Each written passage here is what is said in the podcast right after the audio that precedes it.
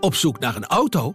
Op gaspedaal.nl zoek en vergelijk je op meer dan 40 autosites tegelijk. Je zoekt op de grote autoportalen en bij de autodealer om de hoek. Je hebt het grootste aanbod en maakt daarom de beste vergelijking. En zo mis je nooit meer een auto. Zoek en vergelijk op gaspedaal.nl. Hi, mijn naam is Corine Kolen en je luistert naar De Liefde van Nu. In de 18 jaar dat ik interview over de liefde heb ik die nog nooit zo zien veranderen als op dit moment. Grenzen tussen vriendschap en liefde zijn veel minder scherp. En ook de strikte verschillen wat betreft seksuele geaardheid en voorkeuren zijn aan het vervagen. In deze podcast interview ik telkens iemand die vertelt over hun zoektocht naar liefde en vriendschap. Dit is de liefde van nu. Hey Chantal. Ja.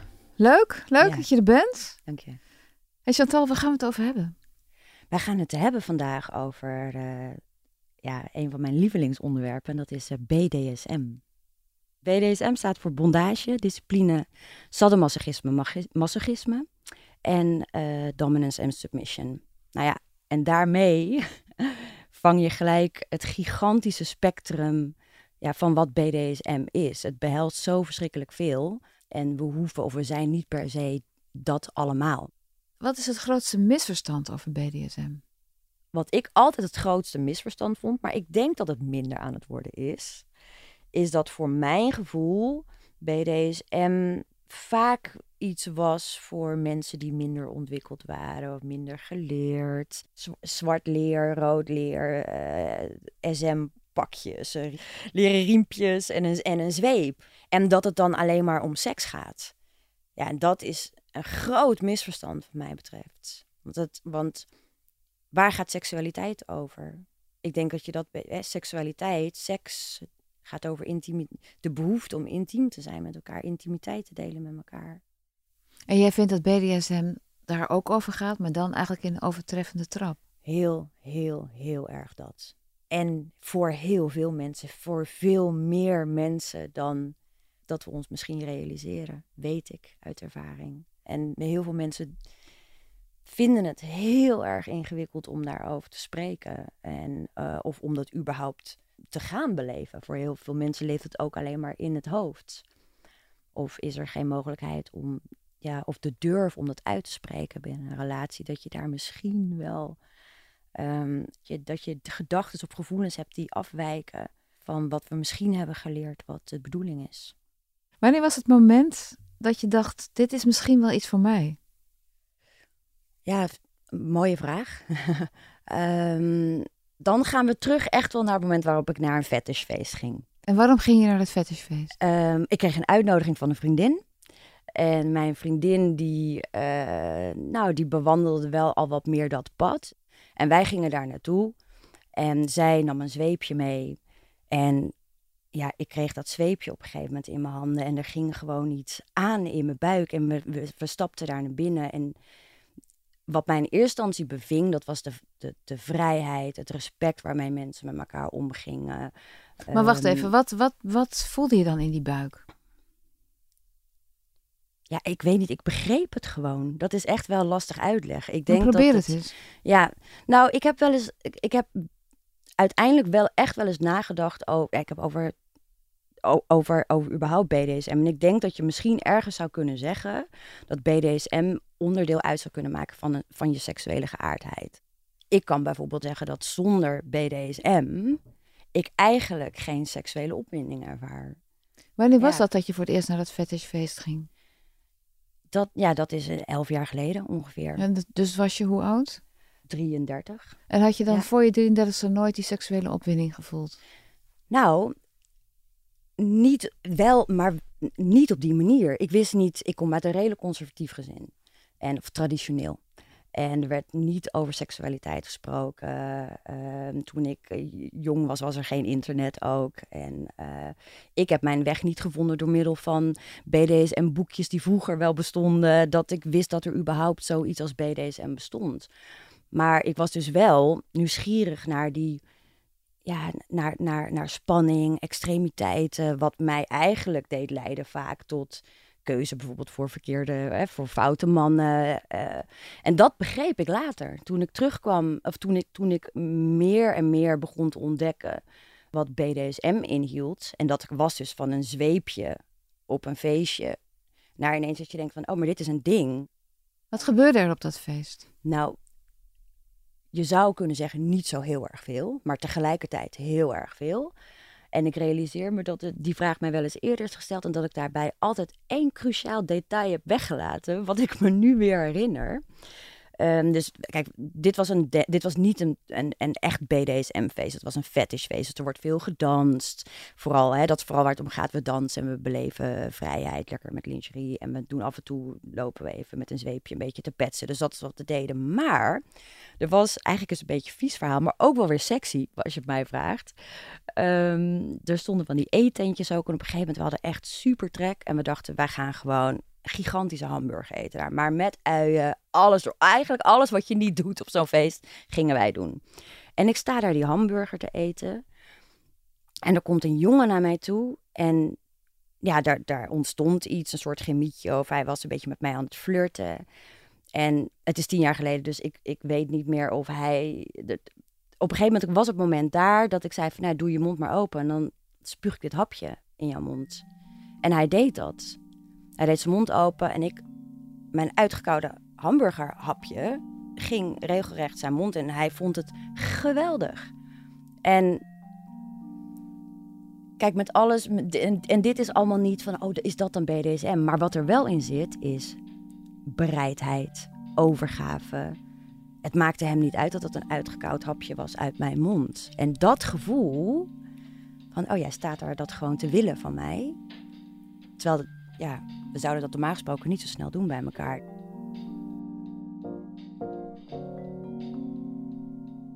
BDSM is, kom maar hier, kom maar bij mij, ik ben bij jou. Wat het ook is, wat jou jou maakt, dat kan je hier, kan je hier brengen. Je wordt niet veroordeeld, je wordt niet, Nee. niemand vindt iets belachelijk. Nee. Niemand zegt, je gaat nu te ver. Nou ja, kijk, en nu zeg ik nee, maar ik spreek wel heel erg vanuit mezelf. Hè? En we hebben een soort gezegde binnen de scene, waarbij we zeggen, eh, eh, jouw kink hoeft niet mijn kink te zijn. En dat recht heb je natuurlijk ook. Als de een zegt, ik vind het echt geweldig om in luiers te liggen, en de ander denkt van, nou, gaat mij net even te ver. Dan is dat natuurlijk iedereen's goed recht of zo.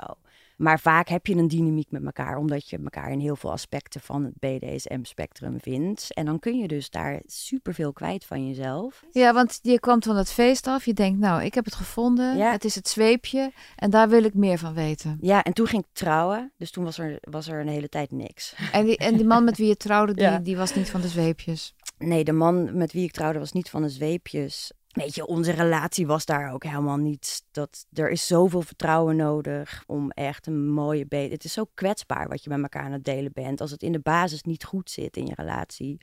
Ja, hoe ga je jezelf zo kwetsbaar opstellen naar iemand die je misschien niet ten volste vertrouwt... of waar te veel issues in spelen. Dat, dus eigenlijk toen begon, die, begon dat eh, Ja. praktiseren van het BDSM pas na je huwelijk. Ja, ja, toen ik ging scheiden, dacht ik: oké, dit weet ik al een hele tijd. Ik heb dit niet geleefd. Dat ga ik nooit meer doen. Toen ben ik, ehm, we hebben een, een groot social eh, media platform. Wereldwijd bekend is. En een soort Facebook voor, voor vieze mensen, zeg ik dat altijd eh, als een soort van grapje. En ehm, daar heb ik mijn profiel aangemaakt en ik ben gewoon gaan onderzoeken ik had al heel snel, echt al heel snel contact met een man. Waarbij ik, in tegenstelling tot wat een beetje het grootste deel van mijn aard is, waarbij ik mij onderdanig eh, voelde. En dat was zo'n verschrikkelijk mooi contact dat ik eigenlijk al heel snel niet echt heel erg geïnteresseerd was om dan ook nog met honderd andere mensen tegelijk eh, gesprekken te voeren of zo. Dus aan de ene kant is het wel leuk dat je allemaal aandacht eh, krijgt, maar uiteindelijk was ik wel op zoek naar, naar echtheid. Heb je deze man ontmoet toen? Ik heb twee jaar lang een eh, BDSM-relatie met hem gehad en tot de dag van vandaag een van mijn beste vrienden. Ja, En hoe weet je dan dat je onderdanig bent?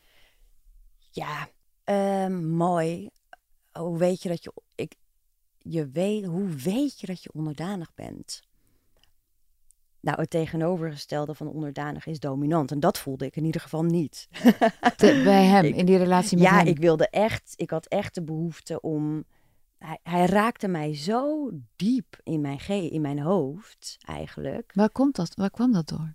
Ja, omdat het gewoon een ontzettend slimme man is. Het is een hele slimme man. Hij stelde de juiste vragen. Die andere mensen niet zo makkelijk Welke aan mij durven te, durven te stellen.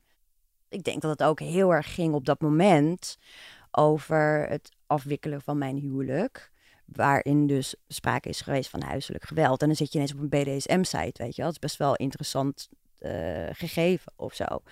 En waar hij mij op raakte was eh, grenzen. BDSM gaat ook over, over, over, constant over grenzen. Dus het ging heel erg, inderdaad, we hadden het heel erg over het echte leven. Hè? Dus niet, of, ja, niet zozeer over het spel van, oh, wat is het geil of is het sexy. Maar we hadden het echt over dingen die mij waarlijk heel diep geraakt hadden in mijn zijn. En hoe, hoe kwam dat dan? En Hoe kwam het dat, Dat- je zo over die grenzen... Ja. ja. en dit is echt, ik- het ontroert mij tot de dag van vandaag. Want hij is namelijk helemaal geen, hij, hij is echt een, een, hij is een meester. Dus hij is niet per se een sadomasochist. Hij houdt eigenlijk niet per se pijn toedienen is voor hem bijvoorbeeld een middel. En niet dat hij denkt van, oh, hier haal ik echt gigantisch veel plezier uit. En, ehm, maar binnen BDSM kan dat binnen het gegeven, hè, binnen het labeltje meester, kan, ja, is Wat is pijn. meester dan? Een meester, een meester of een meesteres. Ik denk dat je zou kunnen zeggen dat een meester of een meesteres echt wel verwacht van degene die zich overgeeft aan hem dat, dat je eigenlijk alles wat ertoe doet voor jou, er niet meer toe doet om in het teken te staan van de ander. Wacht even, dat begrijp ik niet. Ja, eigenlijk, eigenlijk is- ben je totaal onder, emotioneel en fysiek stel je jezelf totaal ondergeschikt. Ondergeschikt aan die meester en Ja. meesteres. Ja, binnen grenzen, consent. Hey, jij kwam binnen bij die man. Die had een afspraak. De eerste keer. Herinner je dat nog? Ja, nee, dat vergeet ik nooit meer. Al heel lang hadden we gesproken en op een gegeven moment eh, kwam het moment dat ik daar naartoe zou gaan. En ik kreeg een appje, je moet naar, naar, het was in Amsterdam, naar die en die locatie komen. Daar staat een elektriciteitshuisje. Nou, daar had je mij al natuurlijk. Hè? Ik wist niet waar ik naartoe ging, op avontuur. Gewoon regelrecht het onbekende in. Ja, maakt me gek. Ik vond het geweldig. En als je daar bent, dan, ehm, nou ja, dan moet je dat even laten weten. En hij woonde daar pal tegenover, dus hij kon mij al lang zien. Hij wist, dus hij heeft mij daar eerst nog een tijdje volgens mij staan bekijken vanuit het raam, geen idee. En ik, ik weet nog precies wat ik aan had ook. Het is echt een heel, heel bijzondere tijd geweest. En, ehm, Wat had je aan dan? ja, ik had een hele mooie blauwe jurk aan, tot over mijn knie, met een heel laag uitgesneden V-rug. Met allemaal knoopjes, helemaal naar beneden. Was het zomer? Ja. Ja, het was, Was het nog licht of donker? zomer. Nee, het was nog licht. Het was, het was nog licht. Ja, het was licht. Toen ging ik hem appen en toen eh, kreeg ik eh, overkant van de straat dat en dat nummer. Eh, ik had natuurlijk wel gezorgd dat mijn vriendinnetjes op de hoogte waren van het feit dat ik eh, ehm, daar was. Wat gebeurde er vanaf dat moment? Ja, hij pakte me gelijk vast bij, me, bij mijn keel. Ja, en dus het was echt shockreactie. Het was gewoon gelijk, je bent binnen en het is gelijk. pakte die me daar vast. Was je bang? Nee. Was dat dan weer datzelfde gevoel als toen je dat zweepje in je handen kreeg? Nee. Ander gevoel. Hoe dan? Niet. Ja, op het moment dat ik met het zweepje bezig was, was ik heel, heel me heel bewust van de vrijheid die ik ervoer op dat moment. En in dat moment dat ik voor eerst bij hem naar binnen stapte, ja, heb ik vaak het gevoel gehad dat ik achteraf pas steeds meer vrijheid ontdekte. Omdat, ja, je bent niet in controle. Dus ik ging nog op zoek naar hoe vind ik vrijheid in alle dingen waar je misschien normaal gesproken geen vrijheid in ervaart. Maar omschrijf het gevoel eens. Wat je had toen hij je keel dichtkneep. Ja, ja ik, ik, ik denk dat je in het moment kan je niet denken. Maar ja, ik dacht alleen maar, ja, dit wil ik. Dat, dat is gewoon, laat me, eh, ik vertrouwde hem blind. Hoe kan dat? Nou, dat is enerzijds een, eh, een, blijft altijd een gok. Vertrouwen is altijd, je bent bereid om iemand het vertrouwen te geven. En we hebben maanden, maanden, maandenlang hebben we met elkaar gesproken. En ik heb vertrouwd op mijn intuïtie. En ehm, dat is gelukkig goed gegaan. Maar ik ben toch nieuwsgierig, want je, met, het, met het zweepje kon je het heel goed uitleggen. Maar Ja. ik wil dat je het nu ook uitlegt. Ja. Namelijk, wat voor eh, genoegen ontleen je op dat moment? Ook al, ook al heb je het Ja. misschien achteraf pas verwoord hoor. Ja. Maar wat voor genoegen beleef je op dat moment aan het feit dat een vreemde je keel dichtknijpt? Ehm, ja, heel veel genoegen, eerlijk gezegd. En enerzijds is iets wat ik, wat ik later leerde, is dat, dat noemen we breath play, dus waarbij je met ademhaling ehm, speelt, is, is sowieso iets wat ik echt waanzinnig lekker vind en waar ik heel erg opgewonden van word. Dus op se- seksueel aspect is breath play en, en verwurging. je wilt dat ehm, je bijna geen zuurstof meer hebt. ja, vind ik echt heel erg plezierig. Ja. Dat moment ervoer je dat eigenlijk voor het eerst, dat je dat fijn vond. Ja, en ik, ik, ik, had het hem al, ik, ik had het hem al gelijk gegeven. In dat moment blijkbaar dacht ik, kan jij... Na alles wat er, wat er is gebeurd in mijn leven, wat ik heb meegemaakt... kan ik ook nog ja, dit vertrouwen wel aan iemand geven of zo. Want dat, dat hele vertrouwensvlak vanuit mijn relatie daarvoor... was natuurlijk behoorlijk geschaad of zo. En om je dan even alles los te kunnen laten, letterlijk. Dat is ook echt wel een punt wat heel erg vaak speelt binnen het BDSM. Met name vanuit de onderdanige kant hoor je dat heel erg vaak. Of vanuit de bottomkant, dus mensen die eh, ondergaan. Is dat het zo verschrikkelijk lekker is dat dat hoofd uit kan. Dat je niet meer hoeft te beslissen. Dat je niet meer hoeft na te denken. Wat echt niet altijd waar is. Want je kan natuurlijk net zo hard sturen op. eh, ga jij daar maar wel eens heel erg over nadenken. Bijvoorbeeld. Of ga maar een, een, een, het alfabet achterstevoren opnoemen. Terwijl dat je in een verschrikkelijke positie staat. Ehm, maar in die end is het uiteindelijk wel eh, rust vinden. Wat gebeurde er daarna? Ja. Want toen stond je Ehm, dan pas in de gang. De deur was niet eens dicht bijna. Nee, nou echt niet. Gewoon letterlijk. De voordeur was echt nog niet dicht. En ja, dat je dat durft als mens om te doen, dan vind ik het sowieso al uitermate interessant. Dat ik denk van, het maakt je gewoon ook niet uit of zo. En nou ja, het is, het is de hele energie die je met elkaar uitwisselt. Het is nog tot de dag van vandaag. eh, Ik zeg altijd tegen iedereen, volgens mij zijn we allemaal alles. Hè? Volgens mij hebben we allemaal wel iets van het een of het ander in ons. Maar ik, ik, ik heb het bij hem nog nooit kunnen ontdekken dat er ook nog iets anders in hem zit dan dominantie. Oh, dan dominantie. Het is, hij is dat gewoon. Dus het is de, de stalen blik in zijn gezicht, de, de harde lijn om zijn mond. Ik vond het ontzettend aantrekkelijk. Het was gelijk, eh, ga op je knieën zitten. En ehm, toen hebben we wel een soort van gesprekje volgens mij gevoerd. Ik weet het niet meer helemaal goed. Maar de hoofdelementen weet ik nog wel. Dus op een gegeven moment heeft hij mij vastgebonden met touw op de salontafel. En toen heeft hij de hakken van mijn... Ik had hoge hakken aan heeft hij de hakken van mijn eh, schoenen had hij vastgebonden aan mijn, eh, tot aan mijn haar. En toen waren we eigenlijk, en ja, dan lig je daar dus met een soort van, en met, een, met je nek, die, wordt dan gevoor, die zit vast aan je hakken. Dus je ligt met je hoofd een beetje naar achter. En toen ging het vooral heel erg over, vind je rust wanneer je je rust kan pakken. Dus zometeen, en ik heb wel mijn eerste, eh, volgens mij mijn eerste, ja, mijn eerste klappen met, eh, eh, met het remkabeltje. Dat echt nooit vergeten. Wat was dat? een remkabeltje vond hij echt geweldig. In plaats van een zweep had, was zijn lievelingstoel was een remkabeltje, want dat kon altijd fiets mee. zo. ja, en het is heel venijnig, dus dat, is, dat komt wel aan. En dus dat was mijn eerste ervaring wel ook met pijn op die manier.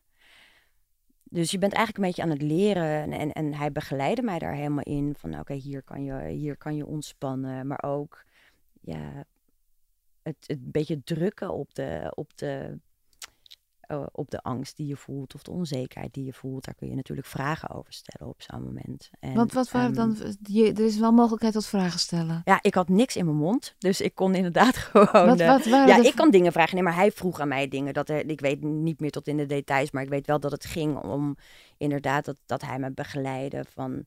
Eh, hè, je kan je rust pa- pakken, goed blijven ademhalen. En dat zijn allemaal dingen die heb ik zelf enorm ter harte genomen tot de dag van vandaag als ik zelf ook speelde. Dat hoe fijn het is als je iemand helemaal meeneemt naar die afdaling eigenlijk. Daar waar je volledig los kan laten. Wist hij dat het voor jou de eerste keer Ja. was? Ja, zeker weten. Heb je een moment Ja. van angst gevoeld? ja, je, je hebt een, een oerangst wat je voelt. Tegelijkertijd met het, met het gevoel dat, dat het dat je veilig bent of zo. Of denkt te zijn in ieder geval.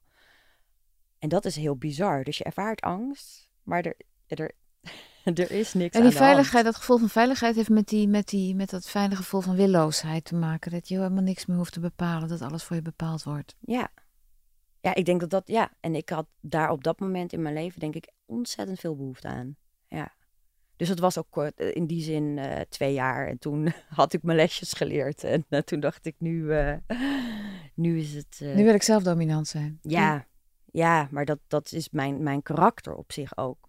Je hebt met deze man twee jaar een soort verhouding gehad? Of, of hoe, hoe noem jij dat? Ja, een DS-relatie. Ja, wij hebben, we zijn nooit met elkaar naar bed geweest in die twee jaar. Het was echt puur en alleen maar voor ons dat. En dat heeft twee jaar geduurd tot dat moment dat jij dacht van... hé, hey, maar ik wil eigenlijk die andere kant ook wel eens ontdekken. Gaat dat zo? Nou, ik denk dat hij daar altijd op aangestuurd heeft. En dat is wel het mooie. Ik denk dat ik weet wat het op het moment dat wij bijvoorbeeld spel hadden en er waren, en, en er waren meerdere mensen bij.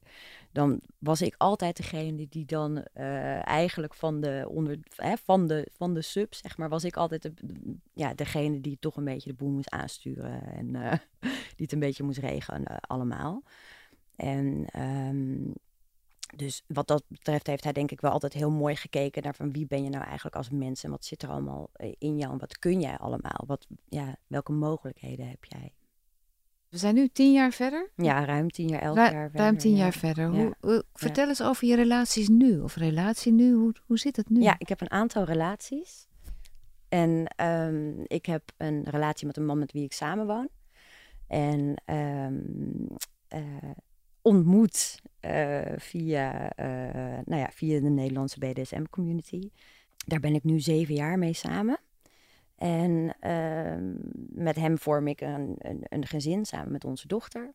En daarnaast heeft hij nog eh, een aantal andere partners, waarvan op dit moment één BDSM gerelateerd en de ander niet BDSM gerelateerd per se. Alhoewel we altijd wel een beetje natuurlijk, ja, omdat het zo'n onderdeel is van je persoonlijkheid eh, met kink eh, bezig zijn. Maar zij is in principe niet echt van de BDSM. Maar jullie tweeën wel? Ja, wij, wij samen. Ja. Niet meer. Wel geweest heel lang. Heb je er nu helemaal geen seksuele relatie?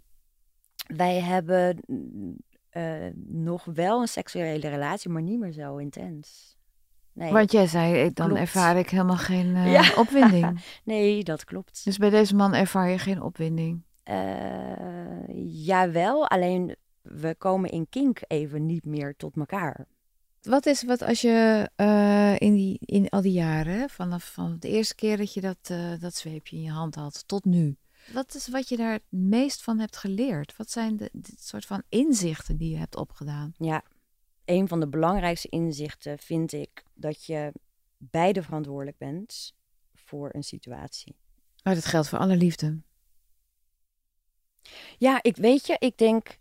Nou, maar je zou kunnen stellen in die zin dat, dat de inzichten die je opdoet binnen BDSM niet per definitie heel erg anders zouden hoeven te zijn dan die je opdoet in het normale leven. Alleen je leeft zoveel sneller op de een of andere manier. Sneller of intenser? Ja, intenser. En daardoor lijkt het sneller. Hè, soms, wat ik zei, komen, komen alle emoties die komen in drie uur komen voorbij. En dus misschien ook wel eh, bepaalde inzichten die, die, die, die je soms misschien pas over drie jaar opgedaan zou hebben, eh, doen zich dan misschien ineens in zo'n moment voor. Ik heb ontdekt dat ik echt veel, veel fysiek ook, veel sterker ben dan dat ik ooit had kunnen denken. Eh, dat ik tot veel meer in staat ben mentaal te doorstaan dan ik ooit had kunnen Hoe, denken. hoe leer je dat via BDSM? Dat leer je bijvoorbeeld door. Ik, ik zal je vertellen hoe ik dat bij iemand anders bijvoorbeeld heb laten ervaren. Maar je kan bijvoorbeeld zeggen. Dan, dat is wel mooi, want dan hebben we het even over het disciplinestuk bijvoorbeeld. Hè, vanuit de BDSM. Is dan heb je een, een soort bord en dat doet iemand dan zijn hoofd doorheen en zijn handen. En eh, dan heb je een soort tafeltje gemaakt hè, om iemands nek en iemands handen heen. Die zit dan helemaal vast. Als je iemand dan ook nog eens een keer in een positie zet dat hij zijn knieën half, hè, een soort van halve squat zit. Dus dat er heel veel spanning op iemands bovenbenen staat. Dan, dan ben je bezig met bewegingsbeperking van iemand. Er staat, en er staat heel veel fysieke spanning op zo'n lichaam. En dan ga je bijvoorbeeld eh, prikken op iemands onzekerheden. Dus dan maak je iemand mentaal oncomfortabel. En dan ga ik daar een glaasje water op zetten op die tafel. En dan zeg ik, nu gaan we even 100 zweepslagen doen. En jij moet gewoon stil blijven staan. Ja, ga, en dan moet je dus op zoek in jezelf. Je moet dus op zoek in jezelf naar hoe ga ik stil blijven staan. Want ik ervaar pijn, ik ervaar emotionele discomfort. Die emotionele discomfort linkt dan ineens vast aan allerlei andere ervaringen. Wat een soort totaal, soort van totaal chaosje in zo'n hoofd creëert. Wat ik te gek vind. En daarbinnen dan van iemand vragen om terug te gaan naar rust, om terug te gaan naar focus, om terug te gaan naar overgave. En om terug te gaan naar datgene wat je mij wilde gaan geven. En dan te doorstaan. Ja, dan haal je iemand los. En dan, dan, en dan zeg ik, meestal zeg ik dan, je mag nog niet in elkaar storten. Blijf staan. En nog even dat stapje verder, weet je wel. Gewoon blijven concentreren. En dan, ja, achteraf heeft, en, en zo zijn er honderd voorbeelden te noemen, maar iedereen heeft achteraf ongeveer dezelfde reactie. En dat is, wauw, ik wist niet dat ik dit kon. En heeft dat dan ook van, uh, is dat dan ook van invloed op je verdere leven? Ik bedoel, op de manier waarop je werkt? Het ligt eraan hoe je het zelf oppakt. Maar voor heel veel mensen in mijn omgeving die zich met BDSM bezighouden, voor mij zeker wel. Het lijkt nu ook allemaal heel serieus, want je zei het gaat heel erg over praten, praten en, en ook grenzen en intensiteit. Wat is natuurlijk ook allemaal heel erg uh, krachtig en serieus. Maar je zegt het is ook...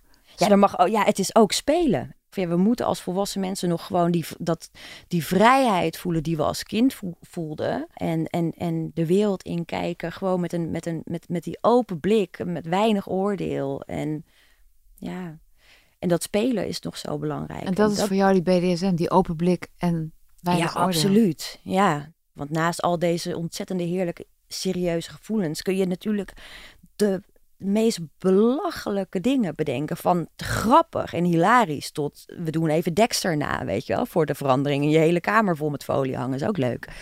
En, ehm, maar we kunnen ook gewoon een sprookje maken met een appeltje en dat uitboren en daar dan briefjes in stoppen met opdrachtjes. En dan moet je proberen met je gagbal in die appels open te krijgen.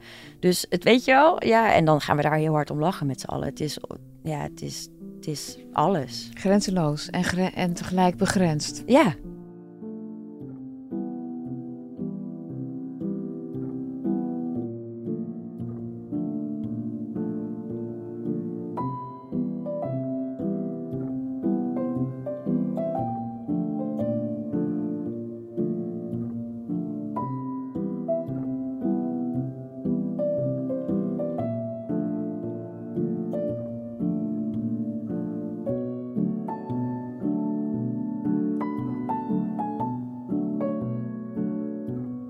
Dit was De Liefde van Nu. Wil je reageren of met mij in contact komen? Mail dan naar deliefdevannu.volkskrant.nl Mijn naam is Corine Kolen. Ik maak deze podcast samen met Mona de Brouwer, tevens editor. Eindredactie en coördinatie is van Corinne van Duin en de begin- en eindmuziek is gemaakt door Juriaan de Groot. Dank je voor het luisteren.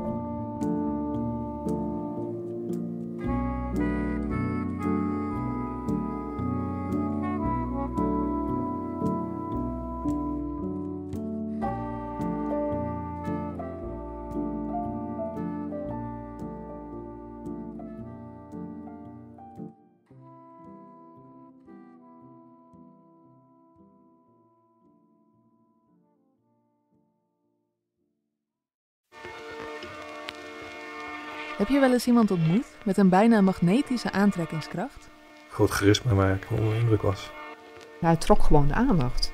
En dat je dan bij zo iemand hoort, ja, dat vond ik wel spannend, ja. Maar wat als degene die jij het meest vertrouwt al jouw gedrag wil controleren? Flirten of stappen of wat allemaal absoluut not dom. Jij vindt het eigenlijk te leuk om aan mannen te zetten terwijl je dit doet familie is je aardse familie, maar niet je echte familie. wij zijn je echte familie. Hoe ver laat je hem gaan? Doe maar. Ik kan geen nee zeggen tegen jou. Het was zo'n rare wereld. Straks schiet hij hem door zijn kop. Dacht ik echt. Iedereen praatte op je in dat dat de waarheid was. Dus ga het maar zien. Dit is een soort God.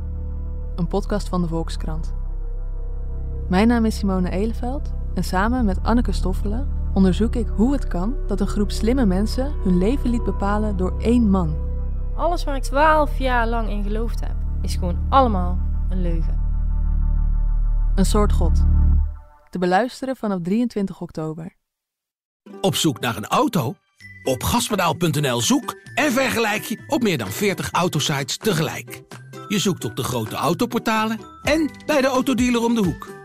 Je hebt het grootste aanbod en maakt daarom de beste vergelijking. En zo mis je nooit meer een auto. Zoek en vergelijk op gaspedaal.nl.